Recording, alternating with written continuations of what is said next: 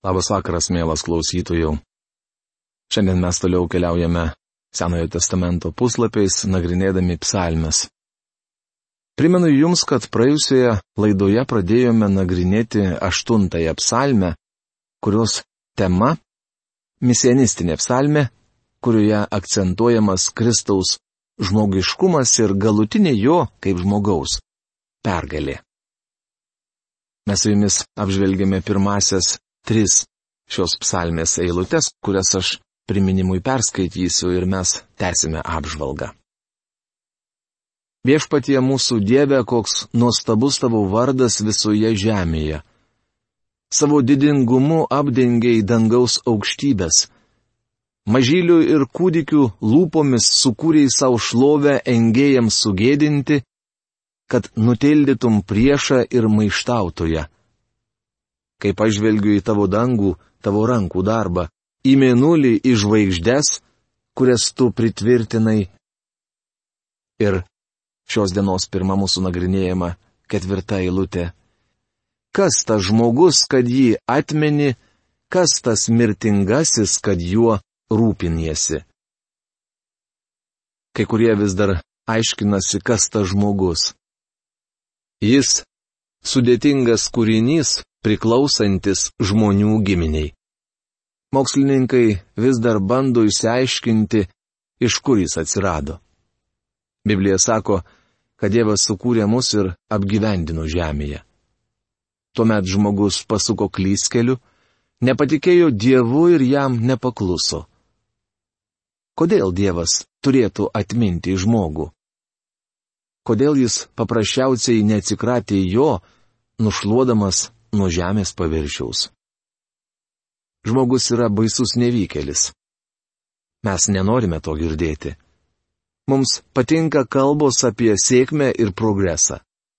Kartais aš manau, kad sunkiausias darbas pasaulyje yra būti vėžio lygų specialistu. Kadangi pats sirgau vėžiu, man teko gana artimai susipažinti su šios srities gydytojų kasdienybė. Turiu pasakyti, jog jie pesimistai. Onkologų praktikoje laimingos istorijos gana retos. Žmogaus istorija nelinksma. Iš tikrųjų jis apgailėtinas nevykėlis, padaręs netvarką šiame pasaulyje. Psalmininkas klausia, kas tas žmogus, kad jį atmeni? Pasakysiu jums, kodėl žmogus yra svarbus. Maždaug prieš du tūkstančius metų jį aplankė viešpats Jėzus Kristus. Jis atėjo į šią žemę ir numirė ant kryžiaus, taip parodydamas, kad mus myli. Jėzus Kristus neišgelbėjo mūsų meilę. Jis išgelbėjo mus savo malonę, nes mes neturėjom nič nieko, ką galėtume jam pasiūlyti. Buvome neverti, kad jis mus išgelbėtų. Visgi Dievas sunus atėjo į šią žemę. Nežinau, ar yra kitų apgyvendintų planetų, bet žinau, kad Kristus nebuvo nuėjęs ten, kad numirtų ant kryžiaus. Šiuo tikslu jis atėjo tik į žemę. Tu padarėjai tik truputį žemesnį už dangiškasias būtybės, apvainikavai garbę ir didybę aštuntos psalmės šešta eilutė.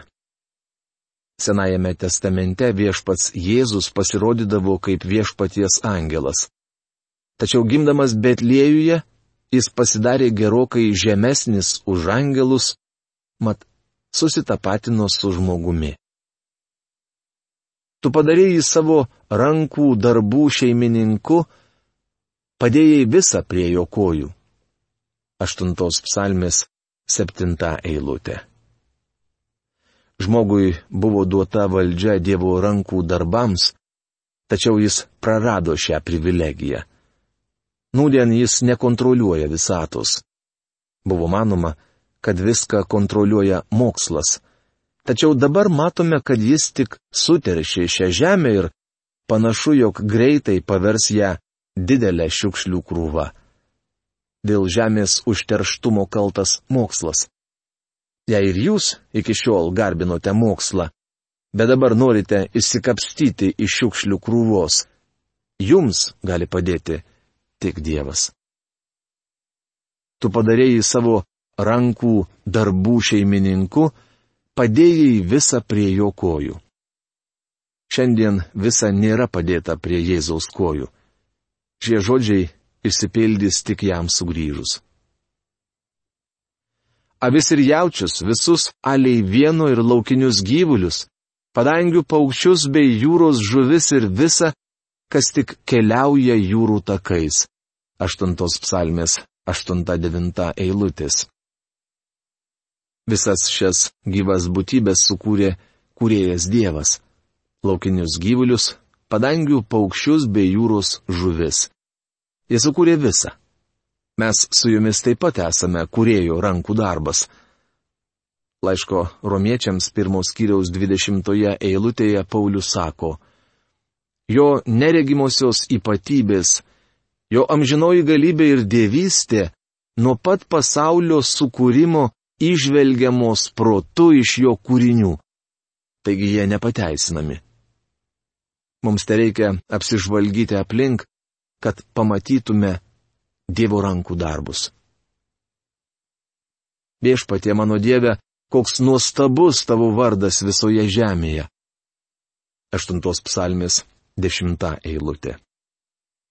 Profesoriaus Algirdo Jurieno Biblijos vertime šie eilutė skamba taip. Viešpatie mūsų valdove, koks didingas tavo vardas visoje žemėje. Vieną dieną viešpaties vardas bus didingas visoje žemėje. Tuo tarpu šiandien mes gyvename tebedūsaujančioje ir tebesikankinančioje visatoje, kuri laukia atpirkimo, tai prašoma romiečiams laiško 8 skyriaus 22 eilutėje. Tačiau virš visos kūrinijos yra šlovingas Dievas ir žmogus, kuris beveik prieš du tūkstančius metų buvo atėjęs į šią žemę, kad gimtų Betlėjuje. Dabar jis yra šlovėje ir sėdi Dievo tėvo dešinėje.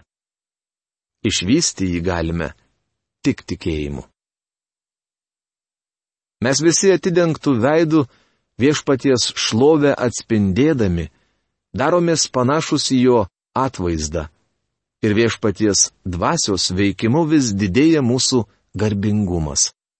Rašoma antrame laiške korintiečiams trečiame skyriuje, aštuonioliktoje eilutėje. Milimieji, Mes dabar esame Dievo vaikai, bet dar nepasirodė, kas būsime. Mes žinome, kad kai Jis pasirodys, būsime panašus į jį, nes matysime į tokį, koks Jis yra. Rašoma pirmame Jono laiške, trečiame skyriuje, antroje eilutėje. Kokia šlovinga ateitis laukia kiekvieno Dievo vaiko. Dar sėki norėčiau Jums priminti, jog tai mesianistinė psalmi. Joje akcentuojamas Kristaus žmogiškumas ir galutinė jo, kaip žmogaus, pergalė. Mes tik akies krašteliu pažvelgėme į šią nepaprastą psalmę, kurioje gėdamas gyrius mūsų gelbėtojui. Devinta dešimta psalmis. Tema - Šietono žmogus kurį laiką mes kopėme laiptais jungiančiais dvi pirmasias mesianistinės psalmes - antrą ir aštuntą. Aštunta psalmė buvo tarsi kalno viršūnė, tad dabar šlaitu leisimės į pakalnę. Ta šlaitą sudaro sekančios septynios psalmės. Juose pasakojama pranašiška istorija. Akies krašteliu išvysime žydų likučio kentėjimus laikų pabaigoje ir taip vadinamą nuodėmės vyrą arba prieštarautoją, kuris dar pasirodys šioje žemėje. Devinta ir dešimta psalmės labai tampriai susijusios. Jas jungia akrostikas - tam tikra alfabetinė struktūra, neperteikta lietuviškame vertime, bet nesunkiai pastebima originalų kalboje. Dėl to graikiškame septuagintos ir lotiniškame vulgatos vertimuose abi psalmės sujungtos į vieną. devinta psalmė adresuota choro vadovui, sunaus mirties arba mirtis sūnui melodija. Kaip jau minėjau, kai kurie autoriai mano, jog tema mirtis sūnui plėtojama ir aštuntoje psalmėje, tačiau paprastai šis prierašas siejamas su devintaja. Ja parašė Dovydas, geriausias Izraelio giesmininkas. Vieni tyrinėtojai psalmėje išvelgia galijoto mirtį, kiti ją sieja su Bačebos sunaus mirtimi.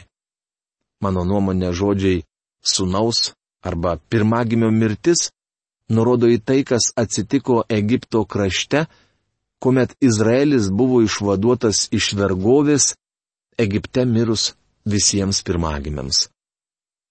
Ši psalmė prasideda viešpačiui skirtomis liaupsimis. Dėkosiu tau viešpatį iš visos širdies, apsakysiu visus tavo nuostabius darbus krikštausiu ir džiūgausiu tavyje, šlovės giesmę gėdodamas tavo vardui aukščiausiasis. Devintos psalmės antra trečia eilutės. Ši psalmė, kaip ir septintoji, prasideda gyriumi. Tiek septintoje, tiek devintoje psalmėje Davidas liaupsina viešpatį, nekantriai laukdamas busimosios pergalės, kuri taip gražiai aprašyta aštuntame psalmino skyriuje. Davidas laukia, kad visa bus padėta prie kojų to, kuris buvo padarytas truputį žemesnių už angelus. Pirmoje psalmės dalyje girdime pranašišką prognozę, kas dėsis žemėje, kai žmogaus sunus atsisės į sostą kaip teisusis teisėjas ir ramybės kunigaikštis.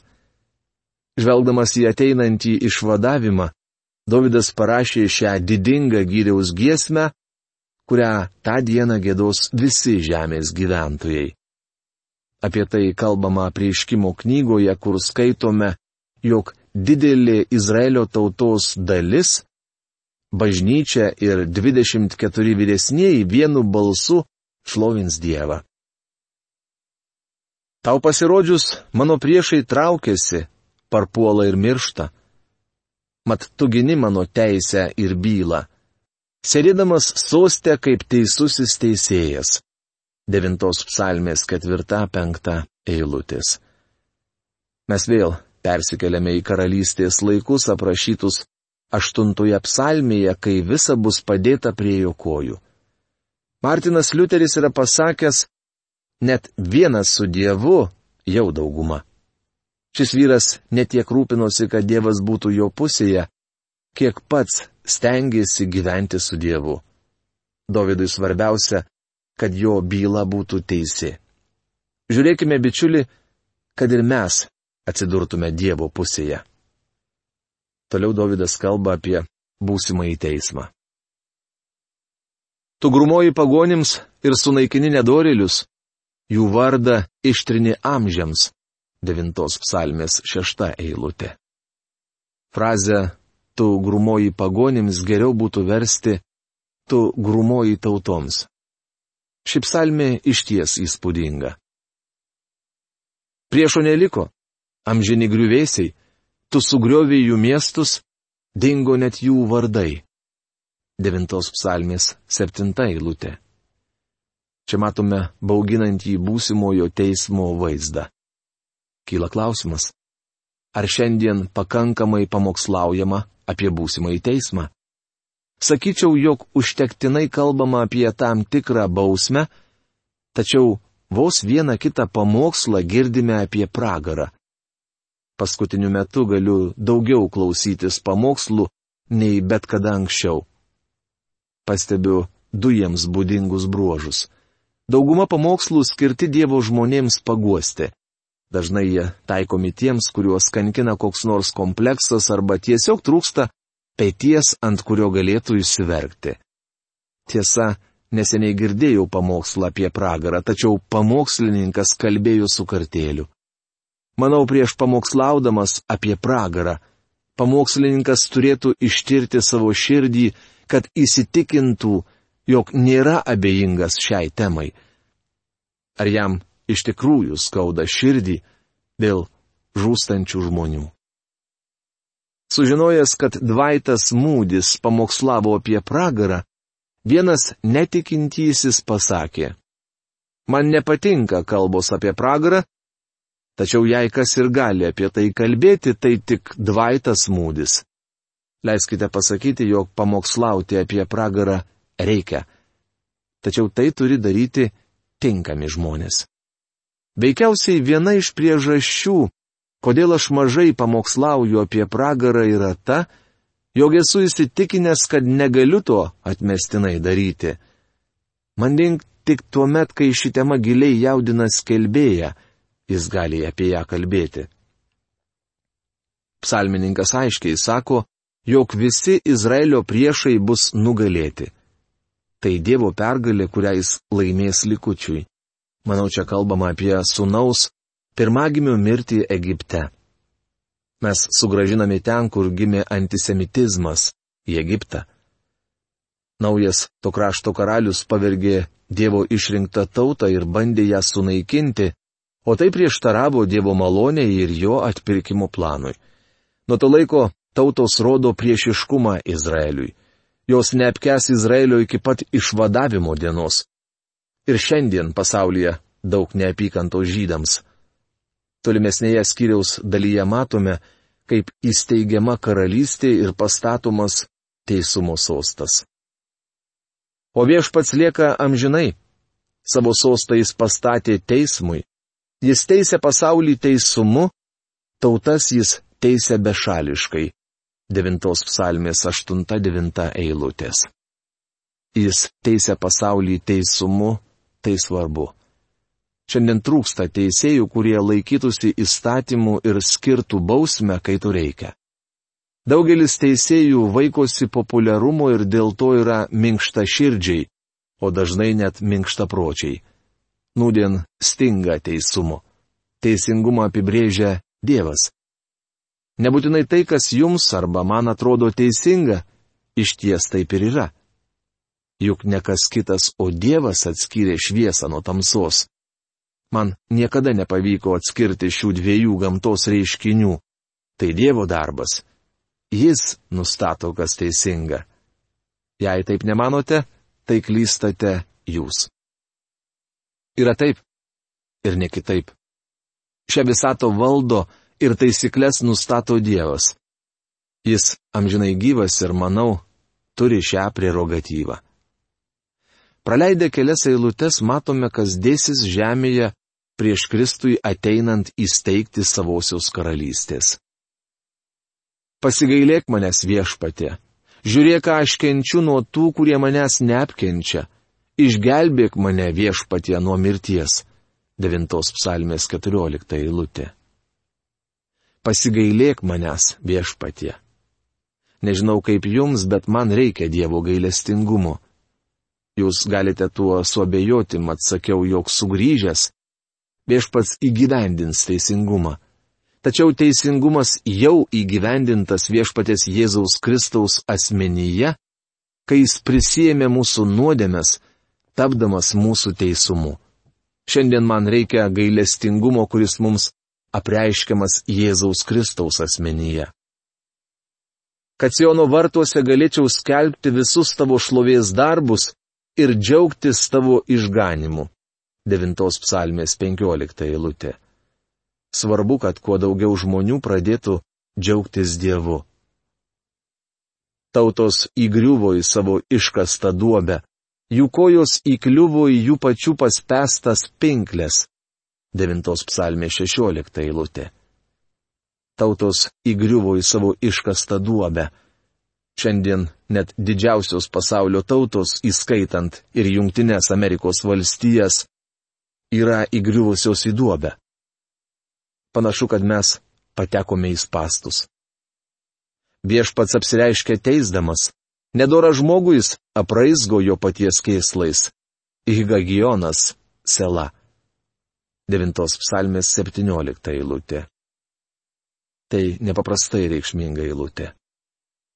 Visi nedari žmonės yra pakeliu į Šeolą ir visi pagonys, kurie užmiršta Dievą. 9 psalmės 18 eilutė. Girdime šauksmą, visi nedari žmonės yra pakeliui į Šeolą, tai yra pakeliui į mirtį, ir visos tautos, kurios užmiršta Dievą. Čia Dievas užrašė svarbų principą.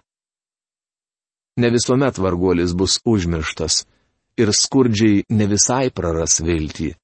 9 psalmės 19. Paskutinė šiandien mūsų laidoje nagrinėjama eilutė. Ne visuomet varguolis bus užmirštas. Tačiau šiandien jis užmirštas. Nūdien vykdoma daug vargšų rėmimų programų, tačiau dažnai parama nepasiekia neturtingųjų, nes ją pasiglemžia aukštus postus užimantys žmonės. Vargšai sulauks teisingumo, kuomet į šią žemę sugrįž viešpats Jėzus. Mes, neturtingieji, turėtume labiau domėtis viešpačiu. Daugelis skurde gyvenančių žmonių kreipiasi pagalbos į politinės partijas. Deja, iš ten didelės pagalbos jie nesulauks. Kandidatams terūpi viena - užimti aukštą postą. Viešpats Jėzus nesiekia aukšto posto. Jis ir taip karalių karalius. Ir viešpačių viešpats. Jis nesistengia įsiteikti kokiai nors žemiškai partijai ar grupiai. Pirmą kartą viešpats atėjo į šią žemę vykdyti dievų valius. Kadangi jis yra dievas, sugrįžęs antras iki, vykdys savo valią. Bičiuli, ne visuomet varguolis bus užmirštas ir skurdžiai ne visai praras viltį.